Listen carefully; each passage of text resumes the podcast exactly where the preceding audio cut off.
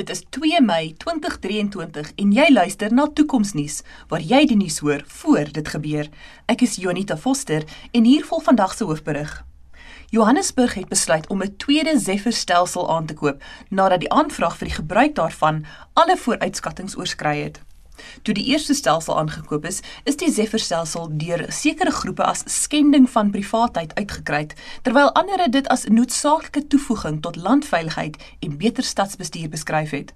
Vandat die eerste Zephyr-stelsel in gebruik gestel is, het plaaslike owerhede 'n aansienlike verlaging in misdaad waargeneem, aangesien dit polisie mag in staat gestel het om vinniger op 'n misdaadtoneel te verskyn en in sommige gevalle misdade te kon voorkom. Dit het ook munisipale bestuursdienste in staat gestel om beter te beplan in watter areas onderhoud benodig word. Verkeerbeheer, onlustebeheer en stadsbeplanning het ook alreeds groot voordeel uit die gebruik van die Zephyr-stelsel gekry. Tegnologie-strateeg Pieter Geldenhuys is saam met my in die ateljee om vir ons te verduidelik hoe die Zephyr-stelsel werk. Welkom Pieter. Hallo Junita. Begin by die begin. Wat is die Zephyr-stelsel? 'n Zephyr is 'n HHPS of in Engels 'n HAPS. En as jy wonder wat dit is, dis 'n hoë hoogte Sirius satelliet of in Engels 'n high altitude Sirius satellite. Nou die Zephyr is 'n tegnologie wat deur Airbus gebou word en hierdie tegnologie is 'n vliegtyg met 'n vlerkspan van so 25 meter, maar slegs 'n gewig van 62 kg. En op die vlerke is daar sonpanele. Jy kan hierdie vliegtyg in die lug kry deur vier persone te kry om dit op te tel en dan begin die propellers werk en dan vlieg die vliegtyg. Dit werk op sonkrag, maar dit maak genoeg energie bymekaar om deur 'n nag te vlieg. So binne in die 62 kg is daar ook batterye wat hierdie Sirius satelliet uh, in die lug hou. Die Hubs of die die Zephyr vlieg op 'n uh, hoogte van tussen 18 en 21 km, staamlik hoog. En dit maak dit baie interessant want dit val buite die normale bestuur van nasionale rugruimtes. Dit is amper 'n satelliet. En wat die Zephyr dan doen is dit wentel bo 'n stad. En soos dit oor 'n stad wentel, het dit dan 'n kamera wat gedurig deur die hele stad afneem. Dit het ook die vermoë om ander kameras te gebruik om in te fokus op sekere areas en die Zephyr stelsel is so gebou dat veelvuldige agente binne 'n land toegang tot die data van die Zephyr kan kry. Binne 'n kwessie van 'n minuut kan jy dan data kry oor intydse video wat gespeel word of dan wat geskiedkundig afgeneem is.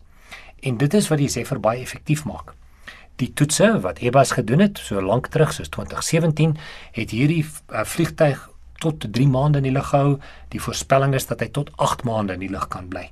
En dit beteken dat verskillende agente dan toegang kry tot die Zephyr om dan beeldmateriaal te kan aanvra wat in die omgewing gebeur. Wat maak die Zephyr platform beter of anders as 'n satellietgebaseerde stelsel wat alreeds in gebruik was oor die afgelope paar jaar? Satellietstelsels kan jy net gebruik as die satelliet oor 'n sekere area is om dan die af om om dan die opmetings te doen. Sekere satelliete kom net oor 'n sekere area elke 2 of 3 dae. So jy moet baie keer satelliete herposisioneer om dan sekere areas te kan afneem. Die Zephyr is gedurig daar.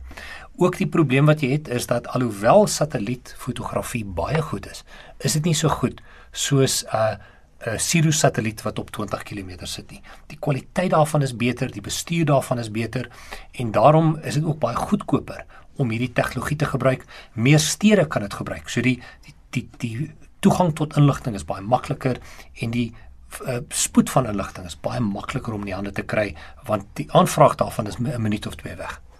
En op watter manier kan verskillende belangegroepe dan nou hierdie toegang kry tot die die inligting wat deur die 'n uh, platform ingesamel word en gestuur word. Die instansies, die regeringsorganismes of liggame wat dan die Zephyr bestuur, gee dan toegang tot verskeie entiteite, die polisie, die weermag selfs, baie keer uh, die brandweer, munisipale beheer, die verkeerspolisie, hulle kan almal toegang kry tot die verskillende funksionaliteite van die Zephyr.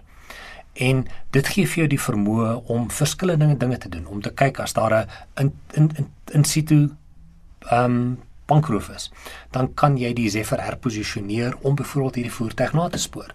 As jy sien dat daar onluste is, dan kan jy die Zephyr gebruik om ehm uh, gemeenskapspolisieering beter te maak deur te kyk waar die brandpunte is. So verskillende tipe funksies kan jy uitrol afhangende van die gebruik van die inligting.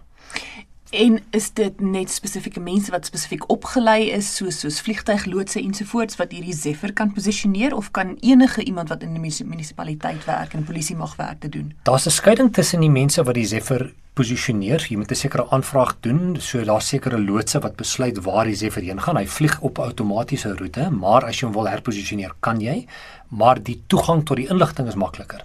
So die Zephyr gee vir jou die vermoë om 20 km bo stad te vlieg en met sy kameras kan hy dan op verskeie plekke kyk wat aangaan. So jy het 'n tamelike wye area wat jy kan dek, maar daar sal seker protokolle in plek wees om die Zephyr se posisionering te kan bepaal. En hoekom wil die stad van Johannesburg nou 'n tweede Zephyr platform as hierdie ding dan nou so oulik is en so oral is? Hoekom 'n tweede een? Ek dink die groot rede is die behoefte daaraan, want as die, daar 'n Zephyr in die noordrand rondvlieg en daar's 'n behoefte daarvan in die suide of in die ooste, dan is daar noodwendig konflik tussen die mense wat die beeldmateriaal van die Zephyr wil hê.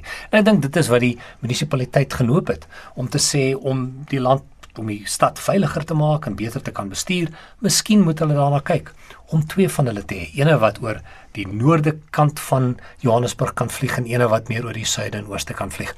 Um, ek dink die die groot behoefte daarvan het 'n geweldige groot uh, verandering teweeggebring in hoe ons data en inligting gebruik. En ek dink dat hierdie tegnologie 'n groot impak gaan hê op die bestuur van sekuriteit en ook plaaslike munisipaliteit in die jare wat gaan kom. Baie dankie Pieter. Die belangegroep Eye in the Sky wil hê dat die vliegpatroon van die Zephyr geheim gehou moet word en dat alle data op die blockchain gerigsteen word. Dit het aandag gekom nadat gerugte die ronde gedoen het dat sekere politici druk geplaas het op die stadsraad om videomateriaal wat ingesamel is deur die Zephyr platform uit te vee. Die gerug is dat die videomateriaal gebruik kan word om die politici se bewegings te staaf in 'n opkomende korrupsiesaak. Die stoor van video in die blockchain sal verseker dat niemand dit kan verander nadat dit vasgevang is nie. Dit was Pieter Geldenhuys en Jonita Foster vir die laaste episode van Toekomsnuus waar ons die moontlikhede van die toekoms ondersoek het. Indien jy verder op hoogte wil bly van tegnologie of verwikkelinge, volg gerus die Toekomsnuus Facebookblad wat nog steeds aktief sal bly.